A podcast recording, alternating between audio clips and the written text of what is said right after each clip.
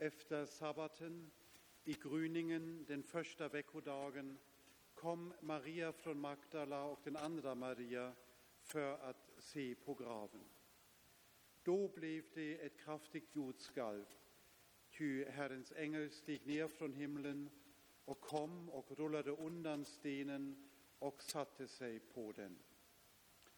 Hans utseende var som blixten och hans kläder vita som snö.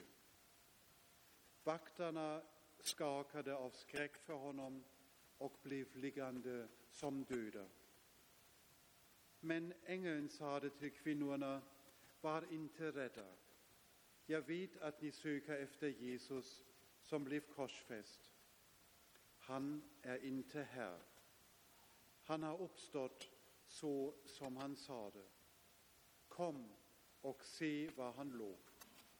Skynda er sedan till hans lärjungar och säg till dem, han har uppstått från de döda och nu går han före er till Galileen. Där skall ni få se honom.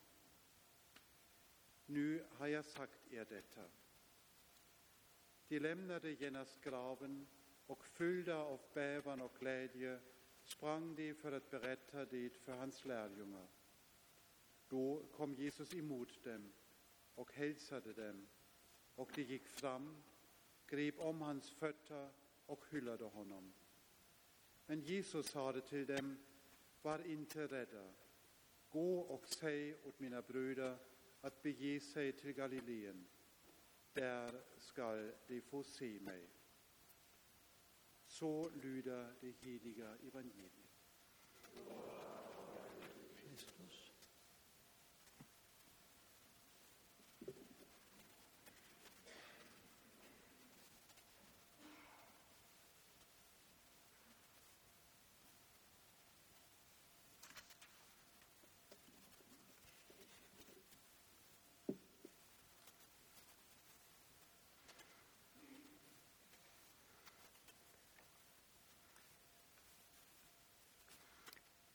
Kära församling, den levande människan är Guds ära.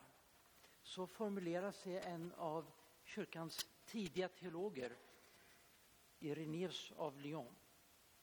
Den levande människan är Guds ära. Det innebär att Gud har sin glädje i att se oss människor leva och blomstra. Gud har en tanke med oss. Han vill inte bara att vi ska finnas till. Han vill också att vi verkligen ska leva på ett fullödigt sätt. Och därför skapar Gud oss till sin avbild. Han lägger ner någonting av sig själv i oss. Vi är skapade för att få del av Guds eget liv. Guds tanke med oss är att vi ska leva i en oupphörlig gemenskap med Gud. Och det här som vi finner meningen med vårt liv. Det finns så mycket här i världen som bidrar till att vi upplever att vårt liv är meningsfullt. Men allt detta som vi upptäcker här i världen som ger vårt liv mening, det kommer en dag att tas ifrån oss. En bestående mening med vårt liv måste komma någon annanstans ifrån. Ska det finnas någon bestående mening med vårt liv så krävs det en avsikt med tillvaron i dess helhet, bortom allt förgängligt i världen.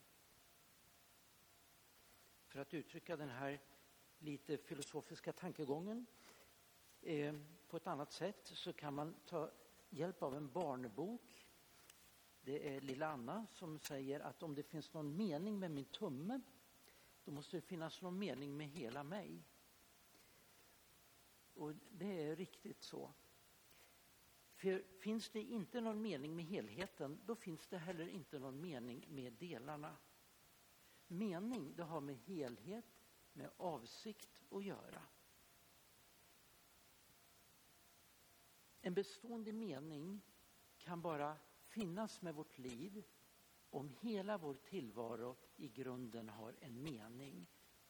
Om det finns en tanke med allt. Utan Gud är vårt liv och hela universum till sist meningslöst. Men nu hör det till oss människor att vi bär på en längtan efter mening. Vi önskar att vårt liv ska vara meningsfullt och att vår tillvaro till sist inte ska mynna ut bara i absurditet, tomhet och död. Problemet är förstås att ingen av oss har möjlighet att lösa det här problemet på egen hand.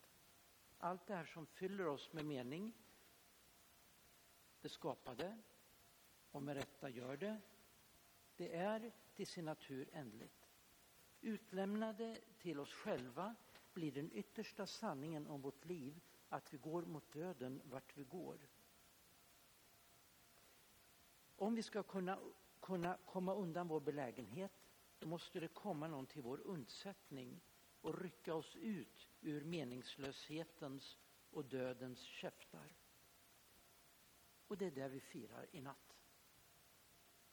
Det kommer någon som rycker oss ut ur meningslöshetens och dödens käftar. Någon som har brutit dödens makt över vårt liv. På en punkt i mänsklighetens historia har dörren till vårt fängelse öppnats. När Kristus steg ut ur graven på påskdagens morgon så bröt han sönder meningslöshetens och förgängelsens förbannelse över vårt liv.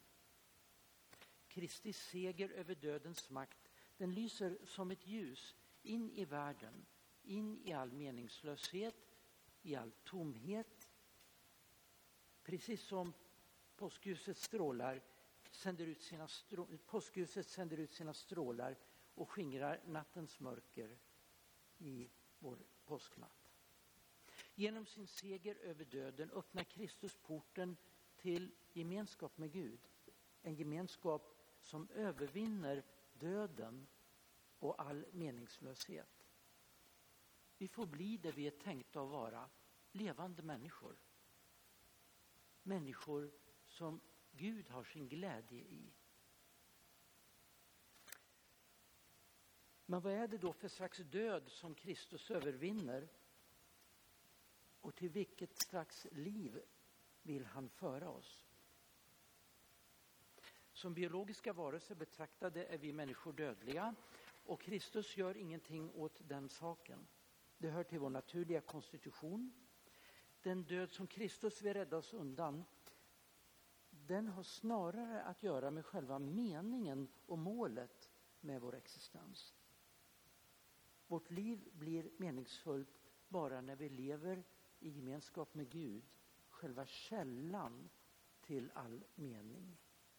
Källan till all avsikt med världen.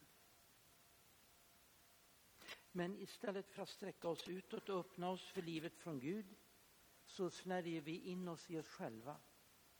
Vi fastnar i vår självupptagenhet, i vår egoism, i vår kortsiktighet, i allt det här som vi kallar för synd och som är det mest meningslösa man kan tänka sig.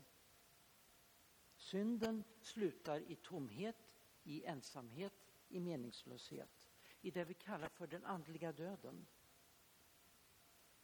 Den andliga döden, den kan bara övervinnas om det finns något slags liv som går utöver vårt naturliga biologiska liv. Och om det finns någon som kan föra oss ut ur vår egen egoisms fängelse och återupprätta vår gemenskap med själva urkällan till livet. Och det är det Kristus gör när han står upp ur sin grav och skänker oss del av Guds liv. Livet som den uppståndne Kristus skänker oss, det är just denna oförstörbara gemenskap med Gud. Den börjar här och nu och den får sin fulländning på uppståndelsens dag i Guds rike. Kära församling, den uppståndne Kristus kommer till oss precis som han kom till sina första lärjungar i Jerusalem. Han kommer och låter oss dricka ur livets kalk. Han ger oss odödlighetens bröd till läkedom och liv. Också till oss säger den uppståndne Kristus, jag är uppståndelsen och livet.